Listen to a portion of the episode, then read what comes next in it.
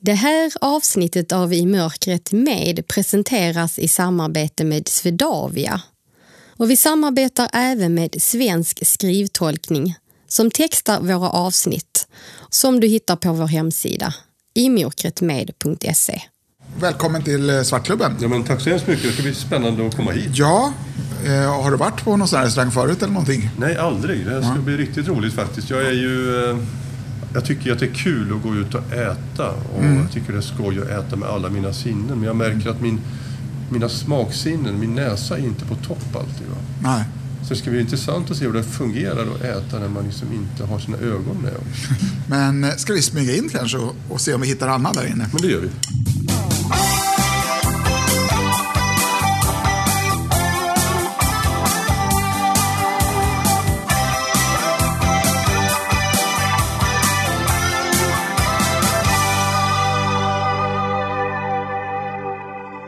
Välkommen till I mörkret med. Jag som pratar heter Anna Bergholtz.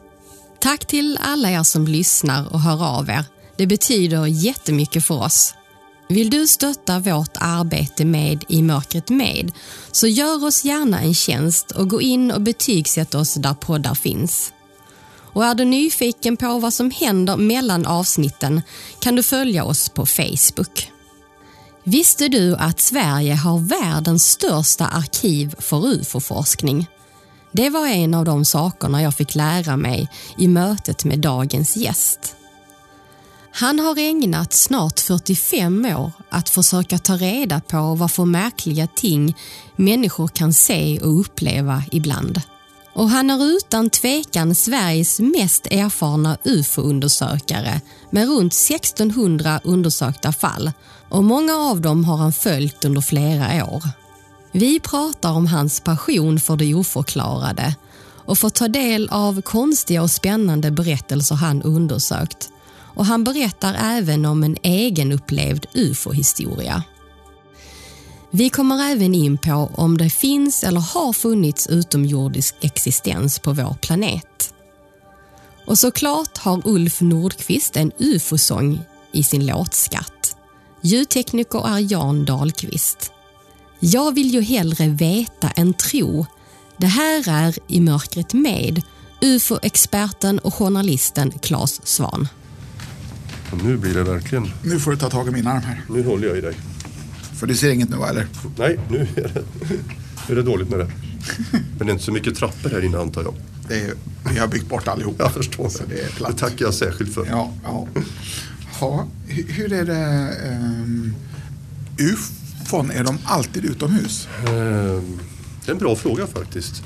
99 procent. Det finns ju en del faktiskt som har sett konstiga saker inomhus också. Ofta är det någonting som lyser då eller någonting som är knepigt inne i, i någons hus. Det är nästan som att det vore på gränsen till spökfenomen. Ja. De flyter lite ihop de här två ämnena egentligen. Det paranormala och de oidentifierade. För allting är ju egentligen på något sätt en enda påse med märkligheter. Det okända som... eh, Jag kan inte alltid skilja på dem. Jag tänkte mest om, om det skulle passera förbi något ufo här idag.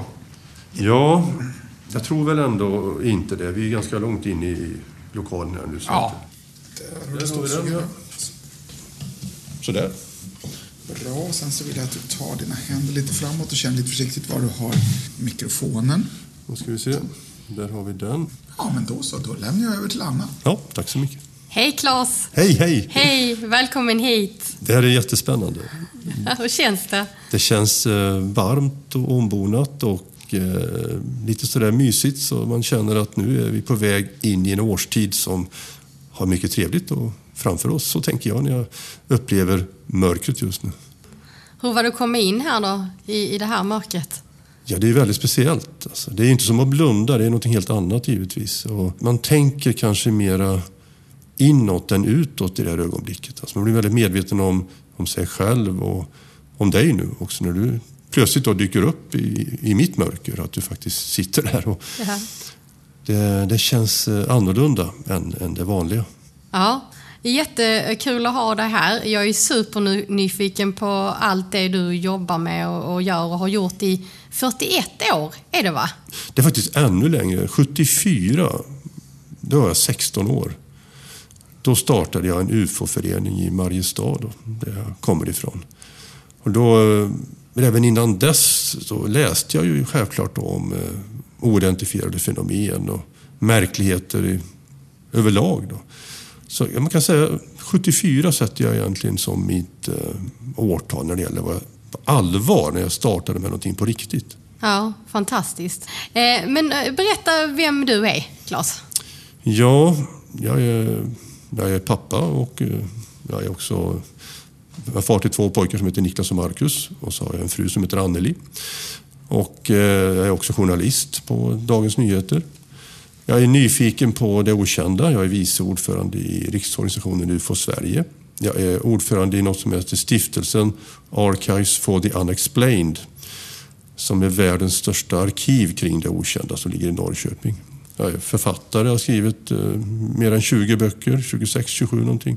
Eh, jag är redaktör för en tidning som heter UFO Aktuellt. Jag är ute ganska mycket, håller föredrag. Eh, Eh, ja, jag svarar mycket på frågor, folk skriver till mig, folk ringer till mig. Jag är någon sorts expert på sånt som nästan inte finns kan man väl säga. Eh, men om du skulle beskriva dina egenskaper, dig som person?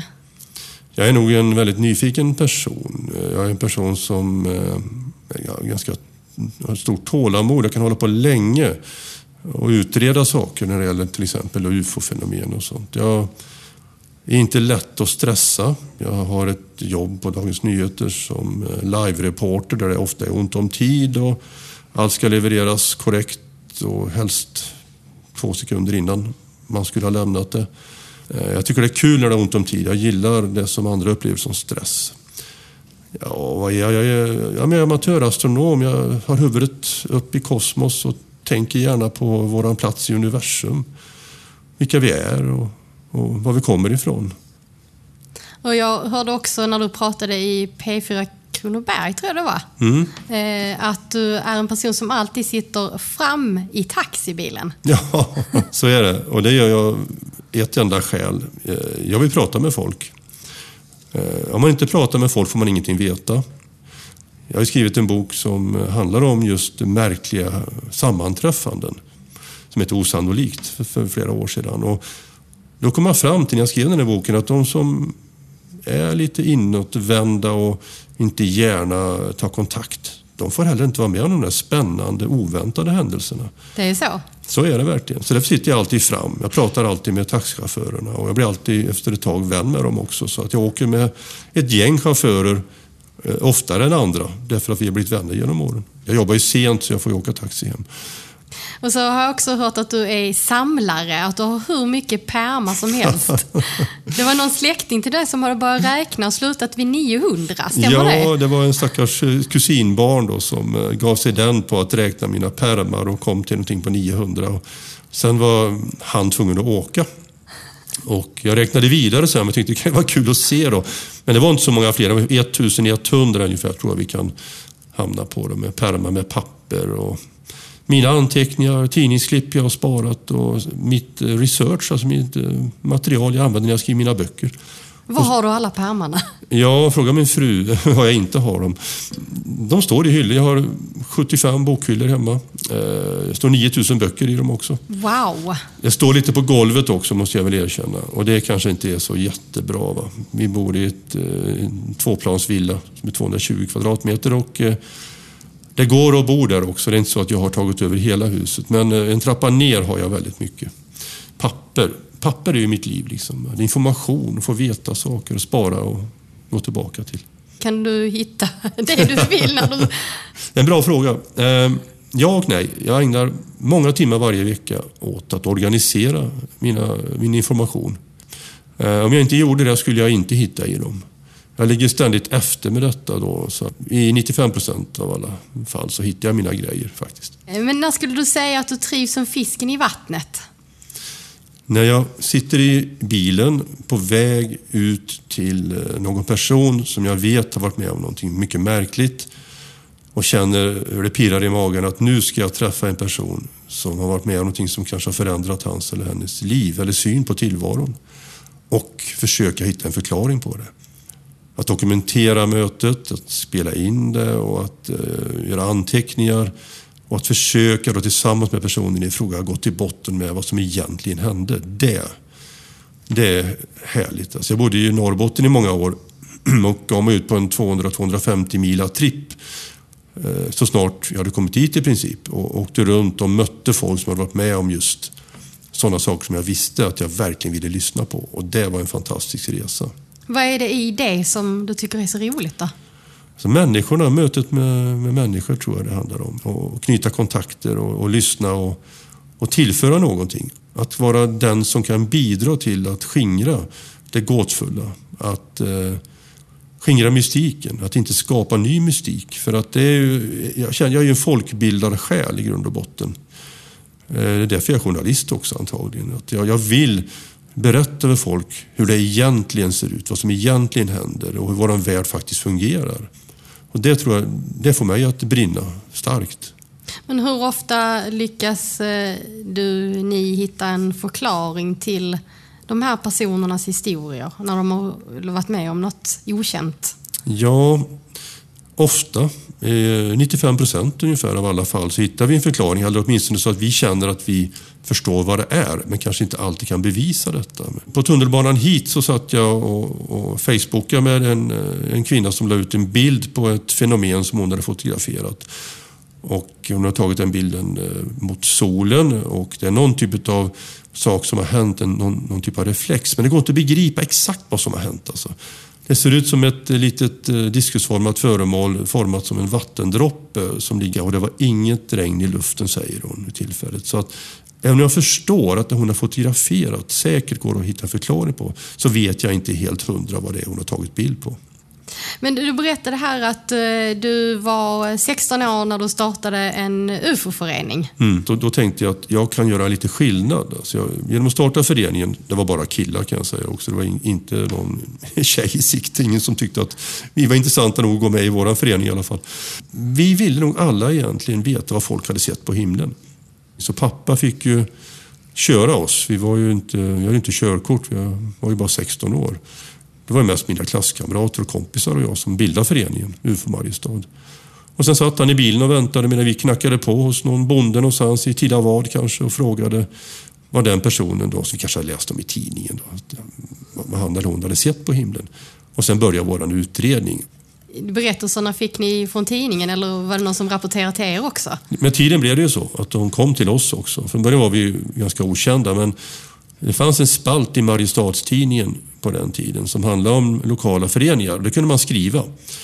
Och det skrev jag varje vecka. Det var bara vår förening som skrev där. Så den lades ner sen den där spalten. Men jag hann skriva en fyra, fem i alla fall artiklar och det gjorde att vi blev kända då i, i Mariestad och eh, att folk hittade till oss också. Vi ska släppa in Ulf lite innan vi fortsätter. För jag är ju supernyfiken också på liksom vad UFO är för någonting och ja, allt som du har varit med om. Först få en, en flaska. Ja, där har vi den. Mm. Ja. Kall. kommer en öppnare. Och ett glas. Mm. Ja, jag har hittat öppnaren. Då öppnar jag flaskan. Jag har glas, ja. Mm. Där hittar vi glaset, så lägger jag kapsylen där. Så det blir att hälla upp. Nu vet hur mycket man har hällt här. Pålar som att det skulle kunna vara någon eh, bubbelvatten av något slag. Ja, du får testa. Det var det. Bra lyssnat. Du. Mm, nu doftar det i alla fall. Och som sagt, min näsa är ju inte min starkaste kroppsdel tyvärr. Har det, har det hänt någonting med näsan som gör att du inte ja, den kan är, dofta? Eller? Den har varit dålig i många år. Jag är allergisk och eh, den är inte bra. Va? Om man säger så. så att, eh, jag går ganska mycket på det jag ser i vanliga fall. Ja, då blir det lite annorlunda för dig nu Ja, va? det blir det verkligen. Ja. Men du får eh, smaka, känna och dofta det du kan. Ja, känns som en kaka. ja. Mm. En god kaka. Så du kan gissa vad det är för smak då? Ja, det är någon chokladsmak i alla fall. Kan stämma. Det är två olika sorter. Ja, just det. Det var en till där, ja. Mm.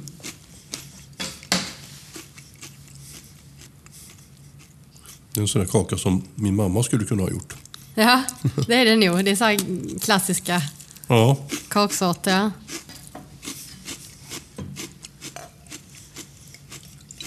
Jag häller upp lite vatten här till mig så länge. Det är ett stort glas, eh, Ja. Claes, så att, eh, du behöver inte vara rädd för att hälla på. Nej. Jag tror att det är tänkt att hela flaskan ska kunna gå i, va Ulf? Ja. Då. Japp, det är uttänkt så. ja det ser man. Ja, ja, jag känner nu att det är mycket högre än vad jag... Vad fyller jag på? Jo, jag kan förstå att ni har det så för att det är lite svårt att veta exakt annars. Jag måste stoppa ner fingret. Ja, det är ett knep att göra annars. Mm. Nu är jag färdig med chokladkakan. Ja, Den var alldeles utmärkt. vad bra. Vad det var för smak på den andra kakan då? Det var inte lika enkelt. Ja, nu gäller det att identifiera kakor här. Det är annat Ja, än det, okända väsen. det är betydligt svårare än ufo-fenomen kan jag säga. är det så? Nej, det var inte lätt att säga för mig. Det är nog för att jag har för dåliga smaklökar helt enkelt. Men Ja, men det är inte helt lätt heller när man inte ser det alla gånger. Så, vill du ha svar? det var, en, det var en enkel smak om man säger så. Det var liksom inga konstigheter. Vill du ha svar? Ja, kör hårt. Ja, det är kola-kaka. Kolakaka, ja, Ja. Känner du det nu när du får reda på det? inte riktigt tyvärr. Men eh, jag känner ju texturen på den att den är lite, den är lite mera klibbig att tugga på. Mm, goda båda två. Ja, vad bra. Claes, vad är ett UFO? Om jag visste det så vore det inget UFO. Eh, Det är ju det enkla svaret. UFO är ett oidentifierat flygande objekt, alltså Unidentified Flying Object, står det för från början. Det amerikanska försvarets beteckning som kom på 1950-talet när man ville ha en kategori helt enkelt eh, av, eh, ja, på, på vissa föremål som militärer gjorde observationer utav. Och då kallar man dem helt enkelt för oidentifierade flygande objekt. Har man identifierat dem, då är det ett IFO. Ett identifierat flygande objekt. Och då vet man vad det är. Då kan det vara en eh, ladusvala, ett flygplan eller ett utomjordiskt rymdskepp. Det är också identifierat och man vet vad det är. Så man kan eh, identifiera det som ett utomjordiskt rymdskepp? Och man vet att det är det. Och det finns ju inga sådana identifierade kan jag ju tillfoga då så. Ja. Men eh, det är det att många tänker att jag såg ett UFO, då menar man jag såg någonting från en annan planet, en annan värld. Så tänker ju många. Men så är det alltså inte, utan för att få beteckningen UFO så måste det vara undersökt av kvalificerade undersökare. Och eh, efter en noggrann utredning inte har fått en förklaring. Då får det beteckningen UFO. Och UFO Sverige har det kriteriet att det måste vara minst två observatörer som har sett det. Vi måste veta exakt plats, exakt tid och exakt datum och så. För att kunna göra alla kontroller. Om vi inte går till botten med det, då får det beteckningen UFO. Och det kan vara ett eller två fall om året bara som får den beteckningen. Ibland ingenting faktiskt. Och vad händer med de andra? De har vi då så pass mycket information om att vi antingen kan säga att vi vet vad det är, helt säkert, eller så saknas då de här viktiga parametrarna. Vi vet inte exakt när observationen gjordes till exempel. Det kan faktiskt vara så att även om det är långt tillbaka så går det att undersöka om vi har exakt tidpunkt. Men har vi inte det eh, så går det inte helt enkelt. Då står vi oss slätt. Vi vill helst ha in rapporten så fort som möjligt.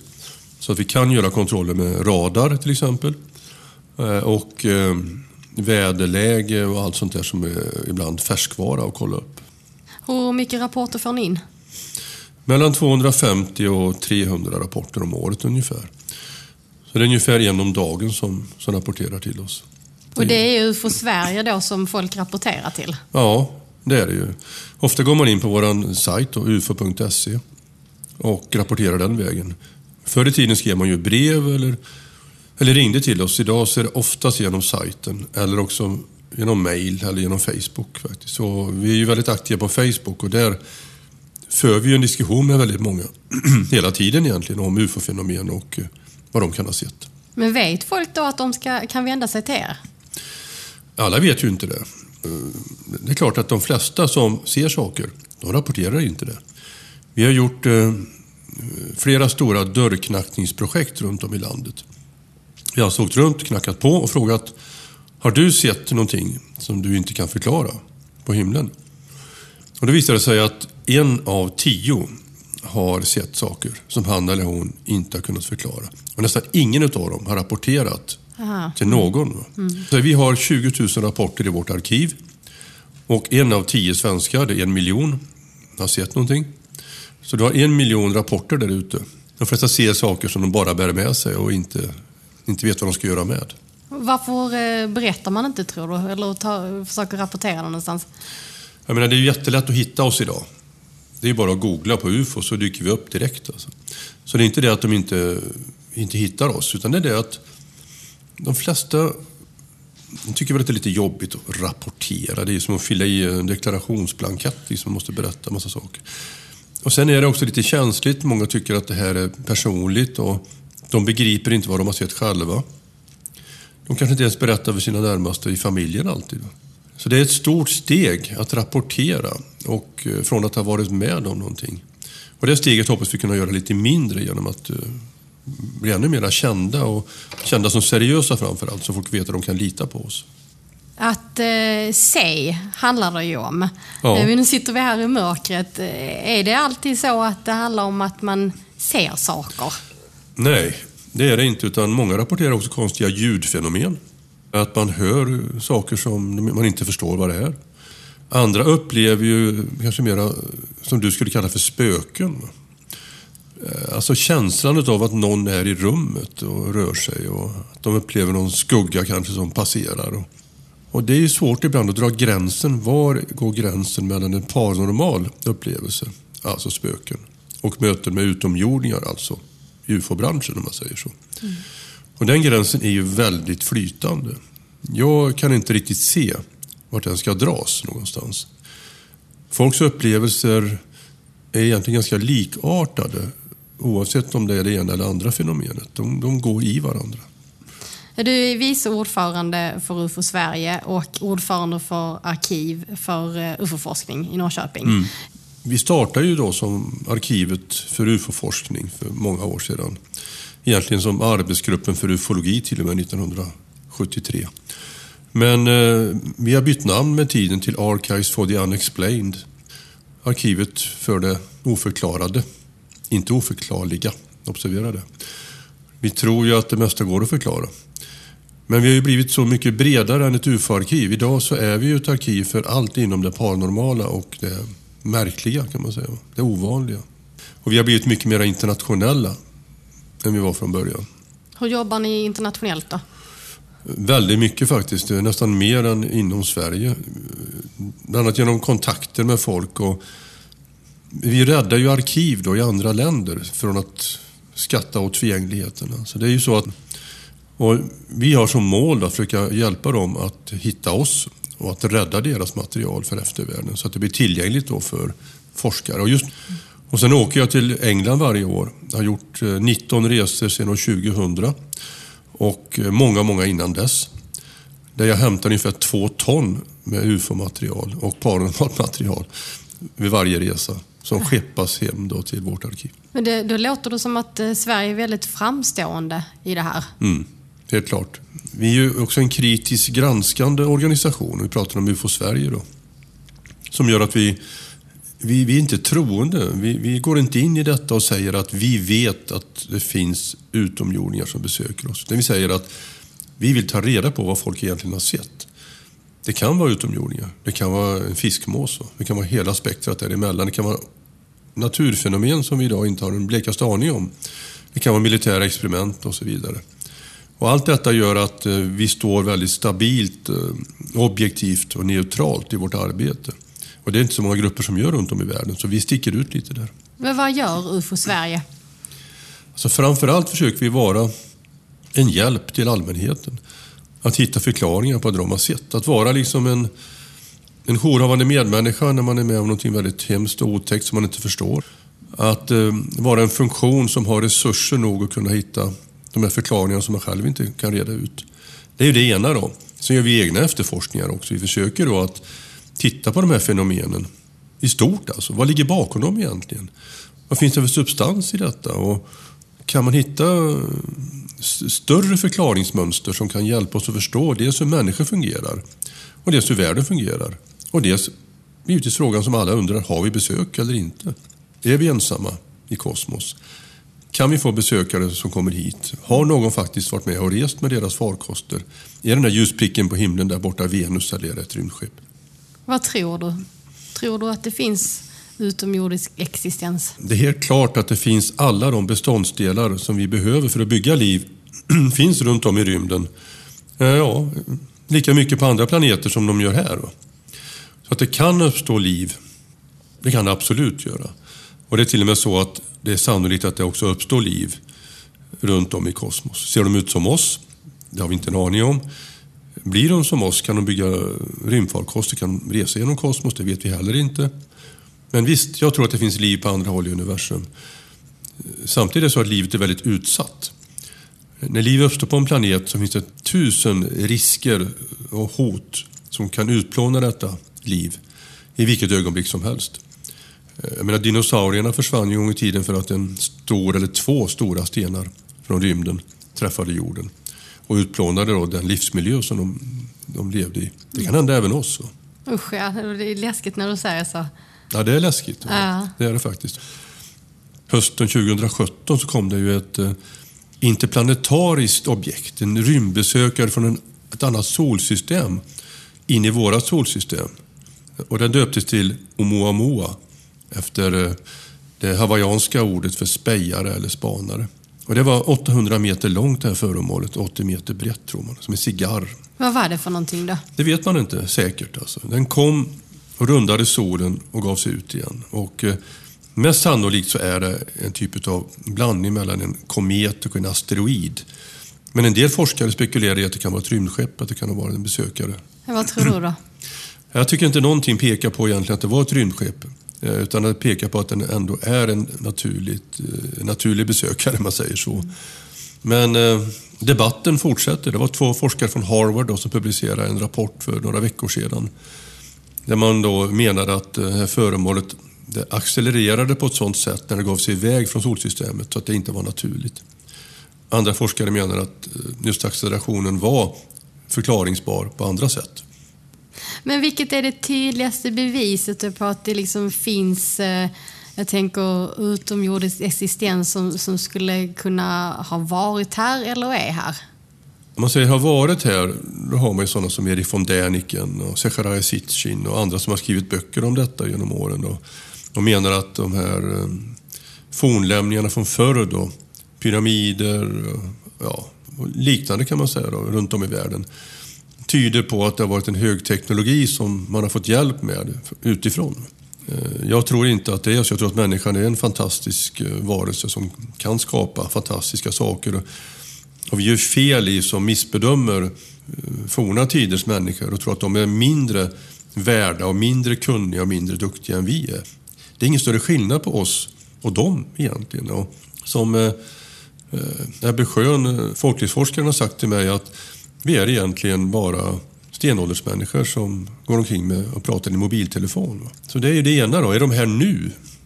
Ja, det menar ju då många som har sett ufo-fenomen och som rapporterar till UFO Sverige.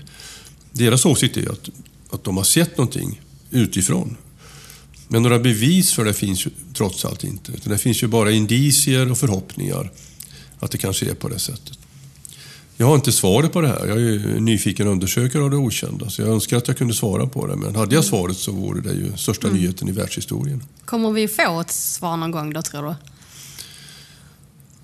Bara om eh, de verkligen visar sig här. Alltså. Och då måste det bli väldigt tydligt. Då får det inte vara en ljusprick på himlen. Då får det inte vara rykten och spekulationer. Utan då måste det verkligen vara någonting som alla kan vara överens om har hänt. Alltså. Du har ju mött alltså, hur mycket historier som helst genom alla de här åren. Vad, vad är det liksom för historier som har berört dig mest? Jag fick ett brev efter jag skrev en bok som heter Mötet i gläntan för många år sedan.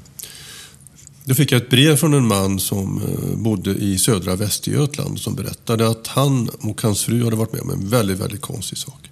Och jag var så nyfiken på det så att jag bestämde mig för att ta hans inbjudan och besöka dem. Men när jag kom dit så hade frun inte blivit vidtalad om detta. Så det var lite dumt. Hon var inte helt positiv till att jag dök upp där. Mm. Det tog några timmar innan vi faktiskt kunde komma liksom, henne in på livet också. Men då berättade hon och han en eh, väldigt fantastisk historia som eh, grep mig mycket för att den var så den var delad. Det var två personer som upplevde detta. Och hon säger till mig att när jag går och lägger mig på kvällen, då lägger jag mig liksom med täcket upp till hakan och så somnar jag. Och sen så vaknar jag så på morgonen. Precis som jag somnar. Jag sover väldigt lugnt och upplever inget konstigt. Men den här natten, då vaknar jag utav att jag ligger med ansiktet ner emot kudden och med benen uppdragna under hakan i fosterställning. Och jag svävar någon decimeter över sängen.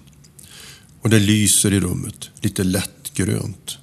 Och jag känner hur jag dras ut bakåt från sängen. Hon ser sin man då som ligger och sover i godan ro intill henne. Och hon tänker, vad ska jag göra? Hon försöker skrika då, men hon kan inte, det går inte. Hon kan inte hennes röst fungerar inte. Så hon hugger tag i mannens arm och då vaknar han. Han berättar då för mig hur han ser sin fru ihopkrupen i fosterställning.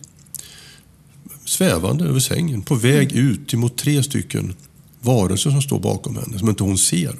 Mm. Och det är sådana här klassiska, de har stora svarta sneda ögon, de har nästan inga näsor, de har tunna munnar, de har inget hår, smala armar och ben. Det är de som verkar dra henne ut från sängen. Så att han tänker, vad ska jag göra? Eh, så han försöker sparka mot de här varelserna. Liksom Och när han gör det, då blir det kolsvart i rummet. Alltså. Mm. Och han hör en duns. Och frun berättar att hon då befinner sig utanför sängen och faller ner på golvet. Och, och, och hon kryper upp i sängen igen.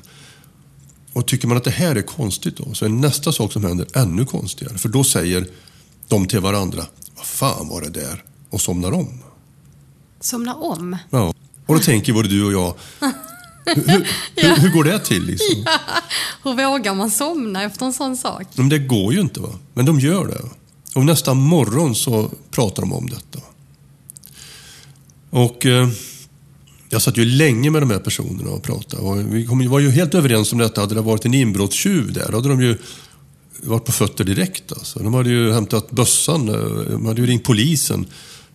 Och nu har de tre stycken varelser som står där. Och de reagerar inte alls som de hade tänkt. Och jag har ju pratat med de människorna, som jag ofta gör med vittnen, under många år efteråt också. Och båda två, de har skilt sig idag, de har nya familjer, men de vidhåller sina historier till punkt och pricka.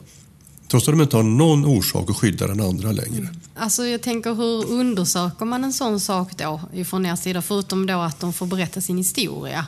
Vad kunde ni mer kika på då för att veta att deras historia för det första är sann? Att de inte hittar på? Ja, det är ju, det är ju en viktig fråga. Va? Är det sant till att börja med? Och det kan jag säga att efter att ha följt dem i åratal, då, kanske 10-15 år, så kan jag säga att de har upplevt detta. Sen vet man ju inte vad som egentligen hände. Det är ju sant för dem, om man säger så. Va? De har inte kokat ihop detta och de har inte velat ha någon uppmärksamhet kring detta. Jag, jag litar på dem. Det jag gjorde var att försöka spåra tillbaka i tiden och de hade andra upplevelser som fanns bakåt som kunde förklara detta. Och då fanns det en del spår ändå. Eh, mannen hade faktiskt sett en sån här varelse flera år tidigare stående i ett hörn när de var i Spanien på semester. Han vaknade en natt.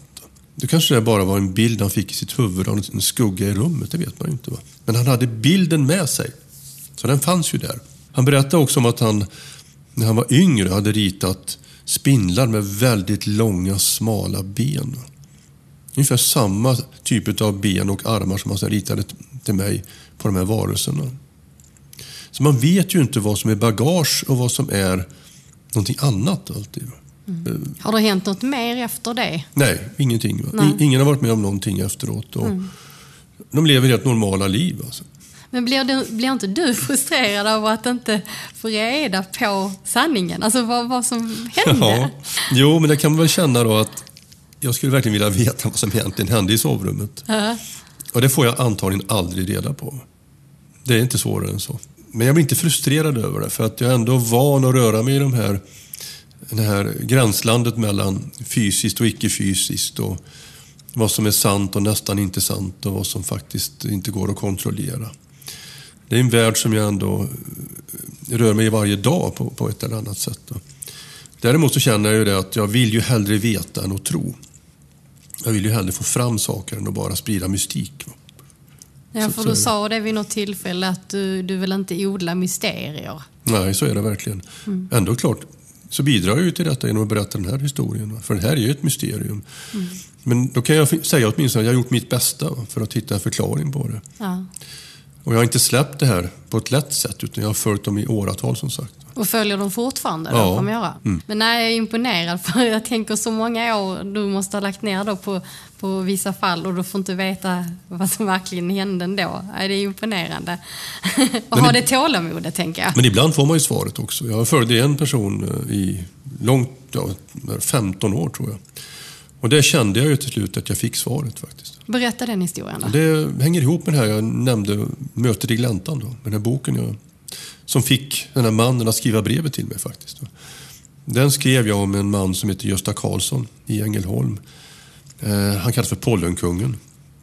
Han är jättekänd i Ängelholm. Det var han som skapade den moderna Rögle Hockey. Han säger då att han 1946, den 18 maj, var ute och gick i skogen eh, mot Skälderviken, alltså lite utanför utkanten av Ängelholm. Och då ser han att det lyser mellan träden så han går in och tänker nu har någon tänt eld där. Nu måste jag försöka se så det inte sprider sig. Men när han kommer fram dit så ser han istället hur det står något som liknar, först tycker han att det är som en tivolikarusell. Och det finns folk runt omkring den. Men han ser sen att det inte är det utan det är som ett, ett, ett diskusformat föremål, en farkost med fönster en stor antenn som det strömmar ljus som böjer sig som en ostkupa mm. runt hela området. Och det står en person utanför den här ostkupan. Och inuti ostkupan så jobbar det några med att laga någonting på den här farkosten. Och det här är en lång historia som jag måste göra lite kort. Alltså, för att han eh, smyger sen bakvägen för att smyga på dem från ett annat håll. Va? Och då lyfter det här föremålet och försvinner iväg. Och nästa dag så återvänder han dit och då hittar han på marken saker som man har sett att de har kastat ut faktiskt. En stav av kristall med inskriptioner på och en ring med en sten i och några muggar som de har druckit ur. Och detta bär han med sig då, den här historien. Han får till och med nattetid, säger han då, bli ombordtagen på den här farkosten resa med dem, träffa befälhavaren, veta varför de landade i gläntan. De skulle nämligen begrava några av sina ombord som hade skadats och, omkommit i en olycka ombord. Men eh, det blev inte så. De tog med sig de här döda och begravde dem på ett, en asteroid i asteroidbältet mellan Mars och Jupiter. Mm. Och han möter dem här vid flera tillfällen och får också ett recept hur man ska göra pollenpreparat. Och han bygger upp en industri utifrån det här receptet. Och som heter Cernell och Allergon. Så blir en mångmiljonindustri ihop med sin bror. Så han blir miljonär på det här, som man säger då, som utomjordingarna gav honom. Och det här blev ju sen så stort så att han 1970-71 då började planera att bygga ett monument i, i Gläntan. Så det står ett monument där, i betong, som föreställer den här farkosten. Och den kan man besöka, man kan gå dit och, och, och titta på den här. Det är ett stort utflyktsmål då. Och Rögle Hockey brukar springa den här vägen när de är ute och, och och joggar i skogen. Aha. Honom följde jag alltså, säkert i 15 år. Alltså idag så förstår jag att mycket av det här som jag har berättat nu, det utspelade sig in i hans eget huvud faktiskt. Alltså. Men det har fått ett enormt genomslag. Det är ett enormt känt ufo-fall. Men du menar att han hittade på allt? Nej, det är en skillnad där. Han hittade inte på det. Han, han levde sig in i detta själv. Alltså. Det här blev för honom en verklighet. Det är enormt komplext att beskriva människor ibland. Vi är inte lätta att förstå. Eh, vad som Men, får oss att ticka och varför vi berättar olika historier. Men var han med om någonting då av det där? Det kan jag inte riktigt säga om han var faktiskt. Alltså. Det vet jag inte helt säkert. Vad jag kan säga säkert är det går inte att belägga någonting av det han beskriver. Däremot kan jag vederlägga en del av hans historia. Det kan jag. Och han är borta nu sedan ett antal år tillbaka. Vi blev väldigt goda vänner. Vi skrev en bok ihop. Mm. Och vi hade stor respekt för varandra. Även trots att jag var kritisk då. Men fick du se något bevis? Han visade mig den här staven då. Och den här ringen som han hittade. De har jag fått se och hålla i handen. Men eh, hade du fått känna på dem, då hade du också märkt att eh, det här är ingenting som en utomjording har gjort. Då. Eh, de här inskriptionerna är väldigt dåligt gjorda. De är slarvigt gjorda. Det är gjort av någon som har gjort det i all hast. De har sluntit med sina verktyg och så vidare. Och det kan man känna på ytan, liksom, att det är, det är inte gjort med precision. Vilket man kan tänka sig att en utomjording borde ha klarat av med den tekniken som har tagit dem hit genom kosmos. Och det är bara en del utav det. Det finns många andra delar också som har gjort att man, man känner tveksamhet. Och... Men jag ångrar inte att jag gjort detta. Det tog alltså 15 år. Men jag lärde mig oändligt mycket. Och jag gjorde faktiskt ingen annan hade gjort. Ingen annan hade gjort. Jag undersökte fallet. Och det hade ingen gjort före mig. Så jag kan någon... säga att jag har gått, till botten med det. Ja, spännande. Eh, vi ska fortsätta, eh, men innan vi gör det så ska Ulf underhålla oss med lite musik. Härligt.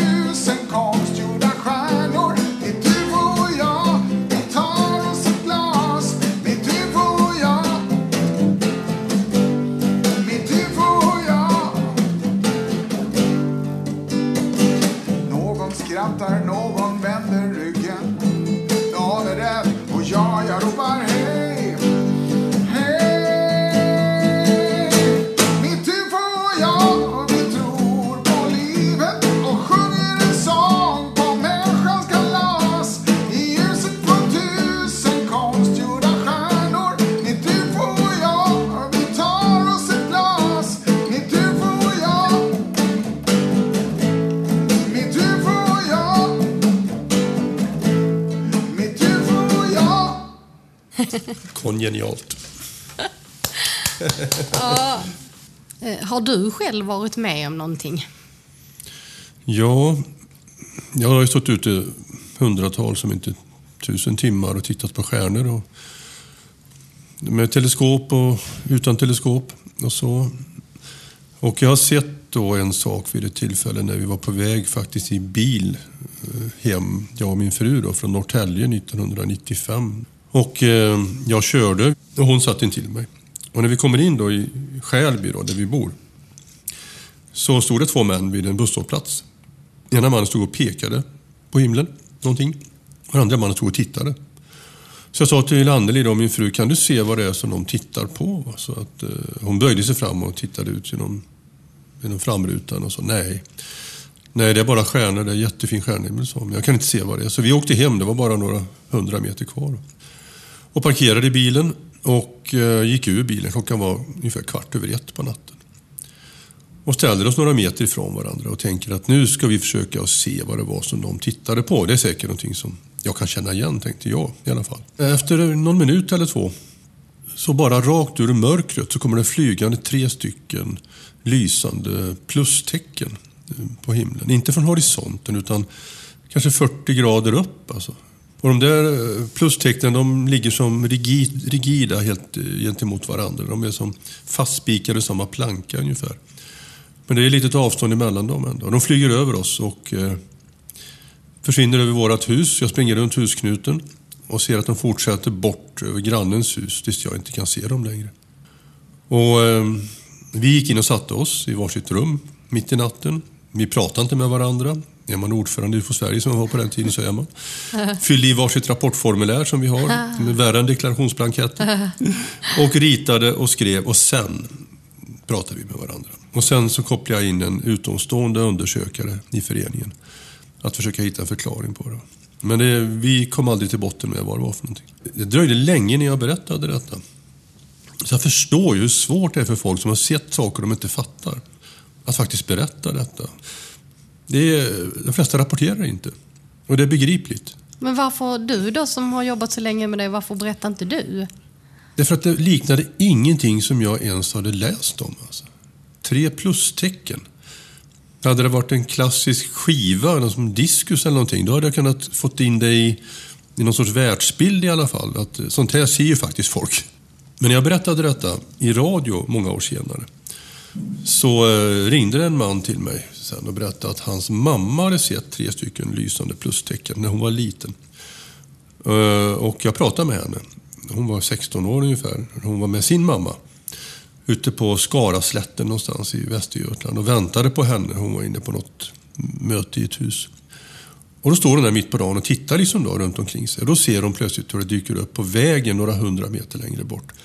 Tre stycken lysande plustecken som kommer ur intet, rullande på vägen och försvinner i intet.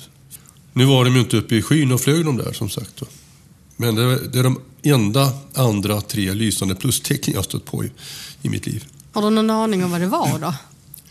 Jag tänker ju så här alltid när jag ser något som lyser på himlen och som ser ut som ett plustecken så att det kan vara en fågel som är upplyst av stadens ljus. Det var min första tanke. Men de här lyste alldeles för starkt. De rörde inte en fena. De flög i en sån formation som jag aldrig har sett. Jag vet inte vad det var. Det är, det är en gåta mm. för mig. Men du, hur ofta upptäcker ni när ni undersöker att folk faktiskt hittar på saker? Det är inte så ofta som man skulle kunna tro faktiskt. Det är väldigt, väldigt sällan. Hittar man på någonting så är det att man har förfalskat ett fotografi. Och eh, vid ett tillfälle fick jag in en bild på ett klassiskt flygande tefat faktiskt. Tagen någonstans norr om Stockholm. Det var en man som satt och körde bil. Hans eh, son satt i baksätet och lekte med hans kamera. Knäppte lite bilder hit och dit. När han kommer hem sen till Djursholm då går han in i duschen men under tiden laddar han in sina bilder i datorn. När han kommer ut så är allting färdigladdat och så och han tittar på dem. Och då ser han att det har fastnat ett verkligen ett diskusformat flygande tefat på bilden. Och han fattar ingenting. Va? Och vi, vi vet inte exakt var bilden är tagen, så jag ger mig ut med min stackars fru och vi letar i timmar. Vi åker den vägen han har åkt, vi hittar inte platsen. Men sen några veckor senare så blir jag kontaktad av P3 som ska göra något program. Och vi ger oss också ut och letar. Och då hittar vi platsen faktiskt. Och hej och hå, där hänger tefatet fortfarande på samma plats. Men med en stolpe i botten. En, en, lampa alltså. Och det är inte han som har fejkat detta. Va? Utan det är hans fru. Som han var i duschen. Gick in och retuscherade bort den där stolpen. Lite på kul. Aha. Så han trodde själv att han hade sett någonting alltså? Han trodde bilden. att det var någonting på oh. riktigt. Va? Så kan det också gå. Va? Ah. Men det är väldigt få som hittar på. Mm. Och fejkar man bilder, riktiga bilder och sådär, då, då är det ofta unga killar är tonårskillar. Men då är det någon av alla de här historierna som har skrämt dig? Nej, egentligen inte. Det är folk som har blivit skrämda givetvis. Det, sånt händer ju, att folk blir rädda när de är med om detta. Men själv har jag aldrig känt att jag blir skrämd. Jag blir, jag blir nyfiken, jag vill veta mer istället. Jag har suttit i en lada till exempel i, i Värmland, i Bogen eh, och jagat spöken en natt och det var två hästar där som bytte plats på nätterna. Det var ju väggar emellan och det var låst och stängt. Men ibland på nästa dag så stod de i den andres spilta helt enkelt. De hade bytt plats. Och jag åkte dit med en kamrat som är fotograf. Vi riggade upp en kamera och satte oss där då, mitt i vintern då, i, i ladan. Och vi frös ju nästan ihjäl på natten där alltså. Och eh, då hörde vi plötsligt ett ljud alltså utanför.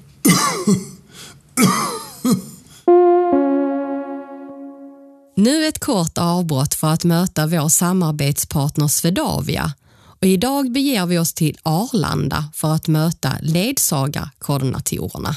Eh, gate 43 kommer in här om 10 minuter med två rullar. Eh, en ska vidare sen direkt eh, till Östersund 14.35 och den andra ska till Hongkong 15.00. Det kommer lite folk från terminal 5 sen och stöttar upp det. Okej, okej. Men jag träffar då 43. Ja, vad bra. Tack ska du ha. Vi har ju hand om då ledsagning för hela Arlanda och upp till 50 kollegor samtidigt som är ute och springer och hjälper till med allt från funktionsnedsatta till ensamresande barn och flygrädda och alla som behöver hjälp. Men eh, det är alltså bara tre personer här nu Antingen Som, två eller fyra eh, då, eller tre. Vi- allt. Vi är fyra, Alltså fyra ibland då. Ja. Till höger har du min kollega Per då, som Ja. sitter med det vi kallar för Syd, terminal 2, 3 och 4. De klarar på gate 8. Hej. Och sen till min vänster har vi då Patrik som sitter med det vi kallar Nord, terminal 5. Hej, hej. Patrik heter jag. Hej. Men gate 8 var gate 8 som ringer. Eh, Re- ready for boarding. de var det nu, de rackarna. Där tappade jag ju lite folk. Men eh, ja, Det ordnar sig. Så Per då har tagit emot här till exempel ett samtal från gate nummer 8 på terminal 5. Så meddelar han vidare till Patrik att nu är det dags för boarding där. Håkan eh, som jag träffade innan, han berättade att ni hade haft någon dag eh, 850 ledsagningar. Ja, det stämmer. Hur, hur klarar ni det? Ja, det, vara det är lite magi bakom det. Vet du. Det blir mycket radioprat då. Då sitter man och ropar på kollegor helt konstant. gate 8 där. eh, börjar Som det ser ut just nu så sköter vi all-. Allting via radio. Så man kommunicerar ju konstant med varandra. fan, den blir försenad här. Ja, hur löser ni det då när det är försenat? Då får man planera om.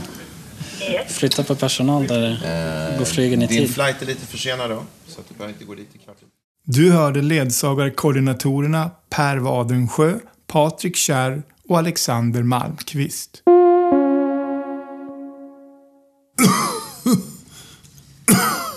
Jag tänkte, vad händer liksom? Vad händer?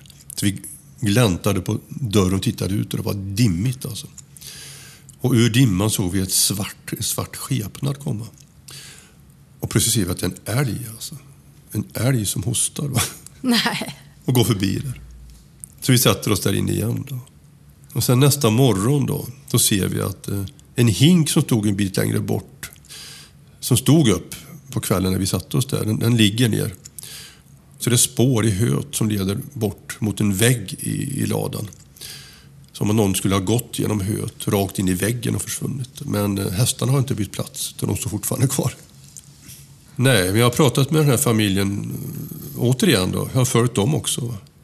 Och pratat med dem så sent som tidigare i år om detta. Och de sa att det fortsatte faktiskt sen. De spikade till och med igen vid ett tillfälle och det hjälpte inte. Men sånt är ju spännande. Och Ja.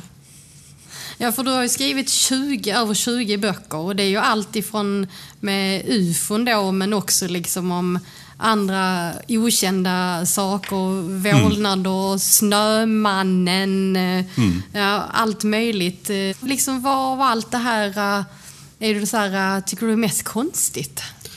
Det allra konstigaste är ett naturfenomen, tror vi i alla fall att det är, ja, det måste det ju vara, va, som kallas för jordkast. Och, eh, det sista gången det hände i Sverige var 1903.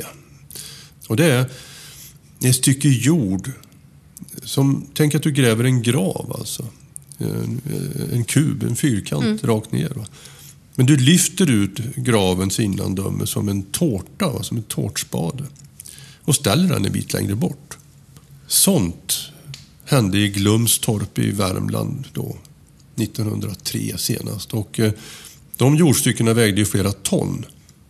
Och de stod alltså en bit bort. Det finns dokumenterat på bild och en, en forskare från Naturhistoriska riksmuseet reste dit och, och undersökte detta. Och ingen vet exakt hur det går till och ingen har sett jorden flyga och flytta på sig heller. Men du måste ju berätta lite kort om spökraketerna. För det är en dokumentär som sändes på SVT 2017 eh, där du har varit involverad. Vad är en spökraket för någonting? Spökraketerna är för mig det konstigaste av alla ufo-fenomen. Det inträffade kan man säga med start 1946. Då flera tusen människor runt om i Sverige såg då spolformade, cigarrformade föremål som flög över Sverige och som ibland störtade i sjöar dessutom. Och militären letade ju i dessa sjöar och man letade veckovis. Alltså. Man hittade gropar i botten, man hittade ingenting, ingen spökraket. Alltså. Man hade en egen kommission, en spökraketkommitté som jobbade i ett halvår. Och eh, man konstaterar att hundratals av de här rapporterna var verkligen riktiga rapporter. Det var folk som hade sett med sina blotta ögon men man kom aldrig fram till vad det var. Och de här fortsatte sen då, efter 1946 att synas över Sverige. Och eh, 1980 så var det ett par i, som var ute och gick i eh, Muddus nationalpark på sommaren. Vid sjön Namajaure. Som såg en sån här konstig historia flyga över sig. Gå ner mot sjön, vända och flyga tillbaka emot dem. Och de tänkte nu, mitt under kalla kriget, de tänkte det här är ryssarna, nu smäller det. Men det föremålet landade på sjön istället och sjönk. Och de såg det sjönk och det bubblade kring det. Och den spökraketen har vi varit uppe och letat efter vid två tillfällen. Och det är det som dokumentären handlar om, spökraketerna. Och vi kommer att åka tillbaka igen. För vi fick utslag då på våra radarinstrument där uppe. Som visar att det, det ligger i gyttjan, i dyn, ja. ett par meter ner. När åker ni tillbaks då? Ja, Antingen blir det nu i vinter eller nästa vinter. För vi ska köra på isen med specialinstrument som är lättare att köra på en skoter än som vi tidigare har gjort, att köra på en båt. Och det instrumentet det visar föremål i tre dimensioner. Och då kan man se, som vår expert säger, då, att det här antingen är ett par renar, en väldigt stor sten eller våran spökraket. Vad tror du själv? Där? Jag tror att det kan vara den faktiskt. Jag tror att den ligger kvar framför allt. Jag tror att den är den ligger där sedan 1980. Och den skulle ha kommit ifrån var då? Ja, vi brukar ju tippa på Ryssland. Då. Men eh, det är ingen logik bakom det egentligen. Det är inget svenskt i alla fall, det vet vi. Nej, det är en gåta. Ja, spännande. Du ska få en liten, eh, liten sak av mig, Klas. Oj, mm. oj. Ska vi se om du kan eh, gissa vad det är för någonting. Här där har du framför dig på bordet. Rakt fram alltså? Ja, om du tittar där vid glas. Eller vid... Där ja, där! Där. Den som känns som en liten spindel. Eller ja, den var lite spretig. Det var många små bitar. Det rör sig lite när jag rör vid en del här. Så är den... En del är fast och en, del, en kan jag röra på. Och det kan jag också röra på lite. Det är lite känt av att det är någon... Lego, fast inte lego om man säger så. Ja, det är lite figuraktigt i alla fall. Mm. Ja du. Jag tänker med tanke på vad vi har pratat om ja. här. Lite ledtråd så, vad tror du? Mm, det kanske är ett utomjordiskt rymdskepp. Ja. Om jag säger filmens värld också? Kanske någonting från uh, Star Wars? Ja. Star Nästan. Trek? Nej. Uh, lite modernare tid kan lite man säga. Lite modernare? Eller ja det, kan, ja, det är en Star Trek i alla fall. Någon uh, science fiction? Ja. På något vis? Ja. Men vad sjutton kan det vara då? Nej, jag kan inte riktigt. Nej, det är svårt. Jag tyckte själv att det var jättesvårt. Eh, det är en transformer. Ah, transformer. Ja, och de ska ju komma utifrån eh, rymden. Absolut. Och den där kan man också bygga om till ett flygplan. Så du ska få kartongen med dig sen. Så jag, ska, jag ska inte kräva av dig att göra det här i mörkret. Nej, det, det tror jag blir väldigt svårt. Men hur, hur tycker du liksom filmens värld skildrar det här med ufon, utomjordingar? IT minns ju jag på 80-talet. Lite så här är det ju att eh, film och science fiction framför allt och kanske till och med ännu tydligare gamla böcker och 50-talsfilmer då, har ju påverkat vårt sätt att se på utomjordingar och hur dessa flygande tefat då egentligen ska se ut. Eh, Så filmens värld har påverkat oss väldigt mycket tror jag. Så du menar att folk ser det de har sett i filmen? Man är beredd att tolka saker som utomjordiska tack vare att det är godkänt i filmen. Så tror jag det är. Eh, Sen är det också så att man självklart då har lättare att beskriva en sak på ett visst sätt om man har sett det. Även om det bara är på TV eller på bioduken. De- flesta människor ju väldigt svårt att beskriva vad de har sett. Och att be dem teckna vad de har sett, det är ju som att be att de ska måla Mona Lisa en gång till. Det är väldigt svårt att omsätta det man har i huvudet till ord eller till en teckning. Väldigt, väldigt svårt. Så att det, är, det det blir ju en brist där i kommunikationen som gör det svårare för oss ibland att hitta förklaringen. Därför att de missar att överföra exakt vad som finns i deras huvuden.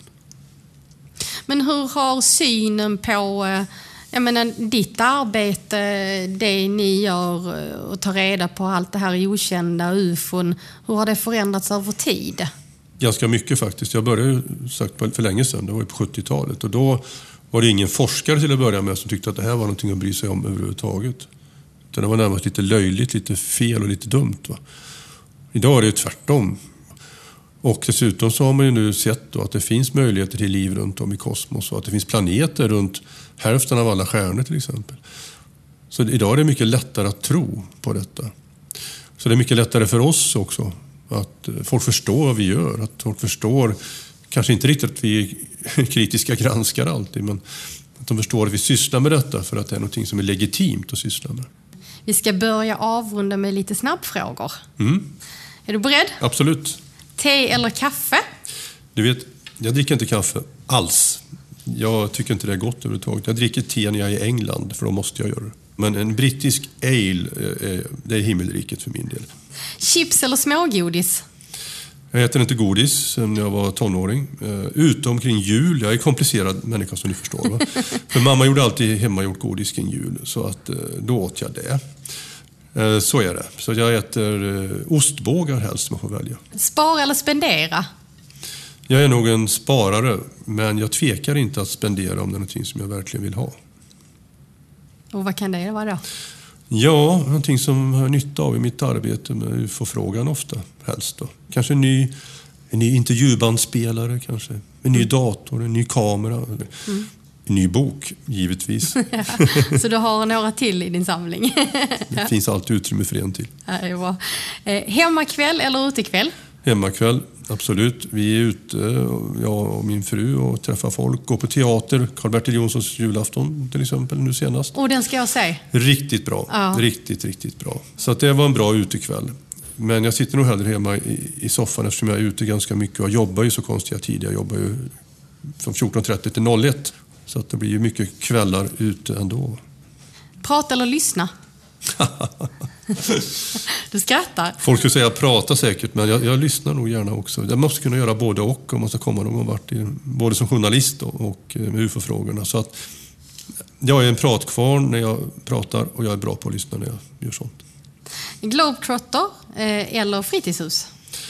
Ja, då är det nog Globetrotter i så fall. Det är väl 54 länder på min agenda som jag Wow. har på. Och, eh, ja, vill se nytt, uppleva nya kulturer och sånt. Debatt eller idol? Jag har eh, skrivit om Idol faktiskt. Jag har varit och lajvat Idol en gång i tiden faktiskt på Globen. Det är inte min grej riktigt. Alltså. Det är inte det. Va? Det är nog debatt om möjligtvis snarare. Fast det är kul både och. Alltså. Jag menar, Melodislagenfestivalen och Eurovision, det jobbar jag ju med varje år. Det har sina tjusningar båda två. Kött eller vegetariskt? Ja, det är, det är ju kött. Alltså det, det, det är nog den tydligaste frågan. Du får det tydligaste svaret på utav mig också. Jag är nog en köttmänniska. Barn eller vuxna? Jag älskar barn och eh, tycker det är jättekul att träffa vuxna och prata med dem. Så att jag kan inte välja det faktiskt. Katt eller hund? Jag hade katt i många år tills jag blev allergisk, eller upptäcktes att jag var allergisk. Eh, Så varken eller. Men din hund här ute som vi träffade förut, den skulle jag ju gärna ha vilket ögonblick som Ja, helst. det får du inte. Nej, jag förstår. Fantastisk Ja. vov. Ja, tack. Eh, skriva eller läsa? Jag skriver varje dag, jag läser varje dag. Jag skriver många, många tusen tecken varje dag. Kanske lite, lite mera skriva än läsa, men det är väldigt mycket av båda. Händig eller tumme mitt i handen? Ja, jag är nog mera tummen mitt i handen. Jag har en väldigt bra granne som kan el och som är duktig på att snickra. Och det tackar jag Gud för. Sista, eh, ljus eller mörker? Alltså när man sitter och pratar är det skönt när det är mörkt. Alltså. Och, eh, jag är inte mycket för starkt solljus, det kan jag inte heller säga. Det är inte min grej. Men eh, eftersom jag har mina ögon i behåll så tycker jag att det är positivt med ljus och kunna skriva och läsa på ett enkelt sätt. Alltså. Det är min värld. Va? Så att det här, den här mörkerstunden har varit jättefin. Och eh, man behöver mörkerstunder också. Ja, hur känns det nu att ha blivit intervjuad här inne i mörkret? Det känns bara bra. Det är nästan enklare än att sitta och behöva titta på någon hela tiden. Utan nu kan man koncentrera sig på det man pratar om enbart. Mm. Du tror det är skillnad? Ja, jag tror att det är skillnad. Jag känner ju själv att man kan gärna blunda ibland när man pratar också, i, men i vanliga fall. Det förstärker bara tanken och fokus tror jag. Ja, eh, du ska få göra en liten signatur i vår bok, Claes. Mm. Vi har en gästbok i Mörkret med som gästerna brukar skriva i. Och du får skriva vad du vill, en signatur eller om du känner för att skriva någonting. Här har du en penna. Du ska se här, där. Jag stoppa undan den lilla transformern här. Ja, precis. Då ska vi se. Pennan Där ja. där, Mm. Och sen har du, känner du boken där framför dig? Nu ska vi se. Där har vi Där ja. Mm. Och så på den sidan där du har ett game kan du skriva. Ja. Är det bläck eller är det blyerts? Det är nog bläck. Gud vilken bra fråga. Det känner du nog tror jag va? Ja, jag ritar lite på min finger nu. Ja. Det kommer bli som en treåring har skrivit det. Ja, men det brukar faktiskt vara mycket bättre än vad folk tror. Vi är ju ganska vana vid att skriva. Fast det är svårare Som- att hålla raderna. Det är det. Det är det. Ja, jag gjorde mitt bästa kan jag säga. Om det nu duger vet jag inte riktigt. tror jag alldeles säkert. Vad skrev du då? Här kommer den. Ja. Tack, tack för en fin intervju, skriver. Tack, Claes. Tack för... Jag har ju egentligen tusen frågor mer till här. Så att eh, vi får väl ta det vid något annat tillfälle. Vad kul att komma hit. Uppskattar det. Jättehärligt och tusen tack för att du var här. Tack för att du lyssnat. Ulf kompades idag av Johan Häglerud. Och följ gärna Klas och UFO-forskningen på ufo.se eller afu.se. Och Facebook-sidorna Allmänheten diskuterar UFO och UFO Sverige. Oss kommer du i kontakt med via e-post hej snabela i e. Vi har en Facebook-sida som du gärna får följa och gilla och hemsida är imokretmed.se. Vi hörs igen om två veckor.